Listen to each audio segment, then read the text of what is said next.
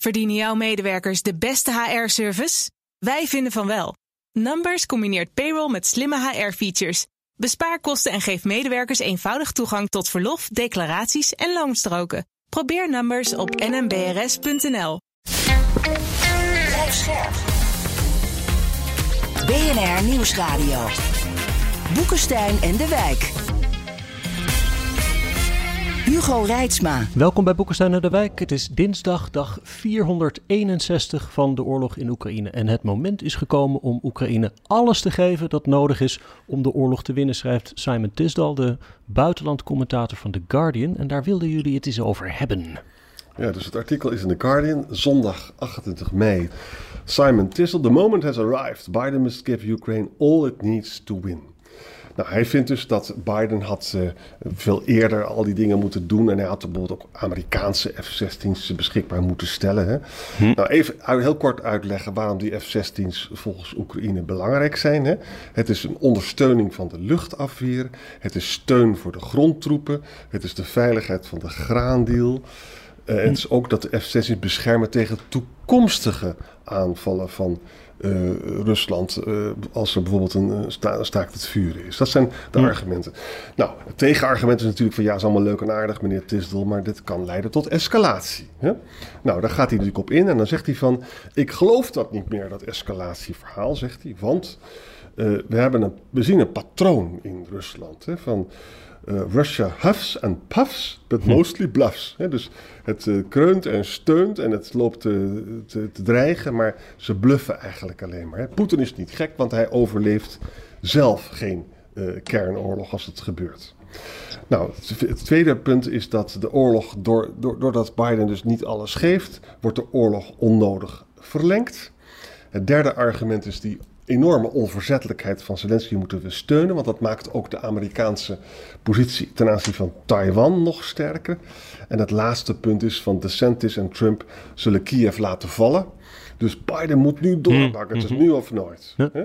Nou, hier moeten we maar eens over gaan praten. En om een voorzet te geven, Rob. Kijk, je kan wel zeggen van uh, Poetin is niet gek en hij overleeft een kernaanval niet. Maar het probleem is natuurlijk, als hij dat wel zou doen, is het nog maar de vraag of het Westen met kernwapens zal reageren. Ja, dat, uh, dat denk ik dus ook. Kijk, uh, het stuk is hierom interessant. Dit is nu op dit ogenblik echt in de discussie. Dus hij verwijt Biden eigenlijk van laksheid. Hij zegt, mm. ja, je, je, je, je bent onvoldoende snel met je besluiten. Het duurt eeuwig voordat er eens een keer een Patriot-raket daar komt. Of ja. een E-Tecum of een F-16 of een Stinger. Dat duurt ook heel lang. Ja. Of een tank. En iedere keer zijn het de bondgenoten uh, die uh, de laatste tijd uh, Biden onder druk moeten, moeten zetten. Onder andere de Nederlanders met betrekking tot die F-16, de Duitsers met tanks. Hm. En geeft nu gewoon alles. Hè? Dat is ook wat Arjan Jan heeft gezegd. Het, het artikel is daarom interessant, omdat je nu ziet dat we nu in een fase van de strijd zijn gekomen dat het eigenlijk alles opnieuw wordt. Uh, dus je moet nu echt of doorpakken, of je moet accepteren dat Oekraïne dit niet tot een goed einde weet te brengen, waarmee het Westen ook een enorme zeep betaalt. Maar tegelijkertijd, en daar gaat dit stuk aan voorbij, is het maar zeer de vraag wat het Westen nog kan leveren. Hm. Dus je ziet iedere keer in het uh, debat op dit ogenblik dat er mensen zijn die zeggen: je moet alles leveren, want ik geloof ook die escalatie niet meer. Maar ja, die escalatie kan er toch wel een keer komen. Dus dat weet je niet zeker. Dus dat is een gok die je neemt. Maar tegelijkertijd zeg je alles leveren. En daarbij niet zeggen of dat wel kan. En daar zit echt een geweldig probleem in, vind ik. Ja, dat vind ik ook. Dat vind ik ook. Het blijft gewoon, kijk, je moet gewoon eerlijk over dit soort dingen zijn. Het blijft een gok als je het doet. En de gok kan natuurlijk goed uitpakken. Het zou natuurlijk geweldig zijn als het allemaal geleverd werd en Poetin drukt niet op de knop. En, en Oekraïne pakt een groter stuk dan ze zonder die levering zouden doen. Maar je bent er niet zeker van. Je moet het andere scenario ook onder ogen zien dat het wel tot een uh, escalatie met kernwapens. Met ja, name. Nou ja, wat, wat, wat, ik hier dus uh, ook in, uh, in, in Bratislava hoor. Ik zit nu bij die Klopsec-conferentie. er zijn ook sessies aangeweid om daarover te praten. Ik spreek echt niemand die zegt dat Oekraïne alles gaat terugveroveren. Hm. Echt niemand. Uh, ook mensen uh, die in Oekraïne zelf uh, wonen. Die zeggen, ja, dat gaat ons niet lukken. Het zou al een fantastisch iets zijn als we bijvoorbeeld die roemruchte landbrug tussen de Krim en Rusland kunnen, kunnen opblazen. Mm kunnen verstoren dat er over land materieel, troepen, maar ook handel wordt gedreven met het Russische vasteland. Of de mhm. rest van Rusland, hoe je het ook allemaal zou willen noemen. En ja, veel meer zit er niet in. En de meeste mensen denken dat vermoedelijk dat niet eens kan. Dus je moet ook nog een keer, als je dit soort dingen uh, roept, zoals die uh, Tisdal, dan moet je ook nog een keer zeggen wat dan winnen is en wat dan succes is. Waar stuur je, stuur je dan op aan? Ik heb echt veel moeite met het ongeklausuleerd uh, een blanco cheque geven aan alle regeringen om alles te leveren wat, uh, wat Oekraïne nodig heeft. Omdat je dan ook heel duidelijk moet maken wat succes is, wat mhm. daarmee moet worden bereikt. Je moet ook bepalen of het bereikt kan worden. Je moet ook weten of de middelen om dat doel te bereiken allemaal wel geleverd kunnen worden. Vermoedelijk is dat niet zo op dit ogenblik. En je moet ook een realistische inschatting maken uh, van de escalatie waarvoor je kon, kunt komen te staan.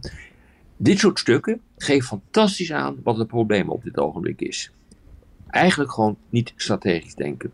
En niet nadenken over wat is nou eigenlijk daar echt aan de hand en wat is de dynamiek die we zien en wat kunnen we dan doen en wat is dan realistisch om te doen.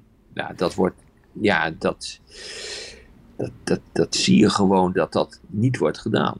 En dan nog even wat er op de grond gebeurt, is wel belangrijk. Hè? Het zijn met name dus Nederland en Denemarken en het Verenigd Koninkrijk geweest die bij de Biden hebben aangedrongen, we moeten het wel gaan doen met die F-16's. Biden heeft gezegd, nou ik doe het in ieder geval niet met mijn F-16's. En Nederland gaat het natuurlijk zelf wel doen. Hè? En, en ook de opleiding is nu begonnen en ze willen dat al tot vier maanden beperken. Dat betekent dus dat die F-16's komen er echt aan. Klopt ja. dat erop? Ja, maar ik wil dan ook heel erg graag weten, als je het hebt over escalatie, hoe dan die teams op de grond zijn samengesteld. En, en F-16 uh, daar zit een heel systeem aan vast, een hele infrastructuur aan vast, van technici, uh, grondpersoneel, uh, mensen die zich bezighouden met het verzamelen van inlichtingen. Hoe is dat georganiseerd en waar komt dat? Zijn dat bijvoorbeeld ook Nederlandse burgers of misschien wel militairen die dat gaan doen in bijvoorbeeld Oekraïne? Willen we dat wel? Hebben we nagedacht wat daar de risico's van zijn? Of gaan we die vliegtuigen vanuit een ander land, bijvoorbeeld Polen, laten vliegen. Maar in, als je dus dit soort keuzes maakt, dan moet je dus wel nadenken hoe je dus uh, verder die oorlog in wordt uh, gezogen. Ik, ik zie die discussie niet goed gevoerd worden op dit ogenblik. Dat maakt mij redelijk uh, verontrust. Ja, maar wij zijn er natuurlijk voor om wel strategisch na te denken hè, in deze podcast. En als je zegt erop, hè, wat is realistisch een succes voor het Oekraïnse tegenoffensief? Zou jij zeggen dat het doorsnijden van de landbrug naar de Krim, dat dat dat dat succes zou betekenen als dat, dat lukt? Dat is een mega succes als dat gaat gebeuren. Als ze dat voor elkaar krijgen, hebben ze een mega succes uh, um, voor elkaar gekregen. Hm. Maar al, al, zouden ze alleen maar uh, de, uh, de Russen over het hele front 100 kilometer kunnen terugduwen. naar een, een, een, tweede verdedigingslinie. Hm. Dat is ook al een enorm succes. Hm. En ik weet zeker dat de Amerikanen uh, ja, die hebben altijd gezegd, eigenlijk in mei heeft eh, Biden dat uh, gezegd, van we steunen je om een goede uitgangspositie te krijgen uh, voor onderhandeling. Ik ben ervan overtuigd dat als dit gaat lukken, en gezien de vragen die ik net heb gesteld van kun je het nog wel, hoe lang kun je dit nog volhouden met je steun? Hebben we die middelen nog wel ook, hebben we die middelen nog wel in de context van kunnen we onze eigen defensie nog overeind houden hm. als het gaat escaleren? Ik ben ervan overtuigd dat de Amerikanen gaan zeggen, vriend, we hebben nu heel veel voor je gedaan. We hebben tientallen miljarden in uh, je land gestopt. Dit is een fantastisch succes wat je hebt uh, geboekt. Ga nu onderhandelen. Ik ben er echt van overtuigd. Dat is ook gewoon wat ik uh, via achter de schermen continu hoor. Dat de Amerikanen dat gewoon gaan doen. En het, creëert overigens een nieuw dilemma. Hè? Want dat Poetin weet dan dus ook... Oké, de Oekraïners hebben groot succes. 100 kilometer, ik noem maar wat. Hè? Maar ja, nu, nu is de steun van de Amerikanen echt weg. Dus ik kan het wel uitzitten en dan val ik weer aan. Het gaat maar door, die ellende. We, we blijven altijd in dilemma's zitten, Rob. Ja, dat, dat blijf je ook. Uh, vandaar dus dat er echt strategisch moet worden nagedacht. De Amerikanen doen dat wel. Dat is ook de reden waarom ze die F-16's uh, op dit ogenblik niet willen leveren. Op een gegeven moment gaan ze denk ik wel akkoord uh, daarmee. Ja, dat denk ik Want ook. een belangrijke vraag, jongens, is: wat komt er nou na F-16's? Ja. En wat gebeurt er als de inzet van die F-16's niet het beoogde succes heeft? Kan iemand mij dat eens uitleggen? Nou, maar um, we horen natuurlijk heel veel over uh, problemen om voldoende artilleriemunitie te leveren en dat soort dingen. Dat dat, dat ja. een enorm knelpunt is. Maar de, de nieuwe wapens die Oekraïne steeds krijgt en waar ze heel veel succes mee uh, boeken of kunnen boeken, dat zijn vaak dingen waar ik nog nooit eerder van had gehoord. Hè? Die HIMARS eerst en nu de Storm Shadow. En ik lees uh, laatst dat Zelensky nu bij de Duitsers weer aandringt op een Towers. een of andere lange afstandsraket waar ik ook nog nooit van had gehoord. Zitten er niet nog in dat soort uh, wapens in de arsenalen waar Oekraïne nog veel meer van kan krijgen? Ja, maar iedere keer valt ook het woord gamechanger. Als je nou eens even eerlijk bent en terugkijkt, wat is nou echt een gamechanger geweest? Ja, dat zijn dat waarschijnlijk de lange afstandssystemen uh, geweest die nou inmiddels weer bijna een jaar geleden, geleden drie kwart jaar geleden, geleverd zijn. Dat is wel een gamechanger uh, geweest. Maar niet een gamechanger waardoor uh, Oekraïne nu in één klap aan de voorraad van een overwinning staat. Hm. Dus um, echte gamechangers zijn er op dit ogenblik niet meer. Die hebben we wel gehad. Een F-16 wordt, als ik de echte uh, specialisten op het gebied van jachtvliegtuigen moet geloven, niet een geweldige gamechanger. Want een F-16 is ook heel erg kwetsbaar. Uh, uiteindelijk. Um, en daar zijn ook uh, de, de, experts beducht voor. Dus, maar ja, dan blijft de vraag: wat komt er na F-16's? Ja. ja, dat is meer van hetzelfde, misschien wat andere systemen. Maar als je echt dan een slag wil gaan maken, ja, dan moet je na gaan denken over grondtroepen. Dan moet je na gaan denken over een, uh, een no-fly zone. Hm. Uh, over het uh, niet bezette deel van Oekraïne. Dat kan allemaal wel. Dat is trouwens waarvoor Tisdal ook pleit. Ja. maar Breedlove, die nu hier ook in de voormalige opbevelhebber van de NAVO, die nu ook in Bratislava is en die, die ik morgen zie, die, die is ook een groot voorstander van. dus je moet echt nadenken over wat komt er dan na F-16. Ja. En dat is mij niet helemaal duidelijk, behalve dan als je dus dit soort discussies aangaat over misschien wel troepen, misschien wel een no-fly zone. Ja, daarmee word je natuurlijk helemaal die oorlog ingezogen. En is dat wat je wil? Ja, dus eigenlijk zou je misschien dit kunnen zeggen dat pas na een, een eventueel staakt het vuren, hè, waarvan niemand weet wanneer het gebeurt, dat dan dus de F-16's en de no-fly zone op tafel Ja. komen. Hm. Ja, exact. Ja, dat is denk ik waar de Amerikanen mee bezig zijn. De Amerikanen denken na over, over dat moment waarop eh, beide eh, partijen eigenlijk zijn vastgelopen. Dat zijn ze in mijn optiek in belangrijke mate allemaal oké. De Oekraïners kunnen best nog wel wat eh, gebieden bijplussen. Ja, en als er dan een staakt het vuren komt, dan heb je een totaal andere situatie. En daar bereiden de Amerikanen zich op voor. Hm. Ik hoop dat de Europeanen dat ook doen. Maar daar heb ik mijn twijfels bij. Hey Rob, je je noemt allerlei bezwaren en praktische problemen. En zo kennen we je ook natuurlijk. Maar je zei eerder ook, het is alles of niets nu. Het, zijn Nou we ja. inderdaad al niet gewoon zo gecommitteerd eh, als Westen aan Oekraïne... dat er ook niet echt meer een weg terug is? Nou ja, daar ben ik wel bang voor. Ja. En dan kom je in een, eh, in een situatie terecht eh, waarin je, zonder dat je weet waar dit eindigt, en hoe dit eindigt ook met betrekking tot je eigen veiligheid, een weg in bent geslagen waar je niet meer op terug kunt komen. Omdat de politieke, het politieke kapitaal dat gestoken is in het, eh, eh, bieden van steun aan eh, Oekraïne, dat is zo groot dat er eigenlijk geen weg meer terug is. En ik, ik, ik pleit ook ja, al heel lang om ook na te denken over een exit-strategie. Hoe kom je hieruit op een of andere manier? En die is er niet hoor, kan ik je melden. Nee. Nee. En Poetin heeft hem ook niet, een En exit-strategie. Poetin, Poetin heeft hem ook niet. Dus je krijgt een eh, situatie waarin als je echt pech hebt, alle partijen, en dan praat ik over Rusland, maar dan praat ik ook over China, dan praat ik over Europa, over Amerika, eigenlijk gewoon geen keuze meer hebben, dan moeten ze doorpersen. Met alle consequenties van die.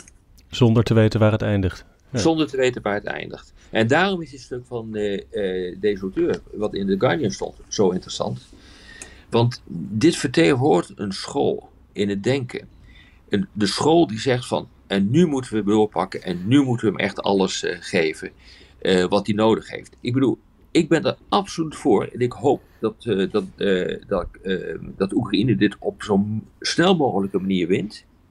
Maar als je me echt vraagt van hoe dan, want dat is altijd de kernvraag, mm. hoe dan, ja, dan, dan is mij dat niet helemaal duidelijk. En als dat niet helemaal duidelijk is, dan zijn al die discussies over we moeten, we moeten dit en we moeten dat, dat zijn wel discussies met een heel groot gevaar die eraan uh, uh, verbonden is. Zou je het zo kunnen samenvatten, Rob? Van, uh, als je nu doorpakt en je doet alles, dan kan, je dus, kan dat een vreselijke escalatie leiden waar we, tot een zeg maar, uitbreiding van de oorlog. Dat is één kant. Ja. Als we het niet doen, en Oekraïne wint niet zoveel, dan wordt het ons kwalijk genomen dat we de kans hebben laten lopen. Ja, hè? ik denk dat dat zo is. Ja. ja. Nee, je bent een oude politicus, uh, Arjan, dus jij weet heel goed wat politiek kapitaal is. Ja. Dus dat je gewoon ook om, om, omwille van het niet verliezen van wat je de politiek in hebt gestoken, gewoon doorgaat tot het gaatje, ook al gaat dat mis. Ja. Nou, genuanceerder kunnen we niet eindigen. Ik denk het ook niet. Dan houden we op. Ja, Dank u. Zeker. Tot morgen. Tot morgen. Verdienen jouw medewerkers de beste HR-service? Wij vinden van wel. Numbers combineert payroll met slimme HR-features. Bespaar kosten en geef medewerkers eenvoudig toegang tot verlof, declaraties en loonstroken. Probeer Numbers op nmbrs.nl.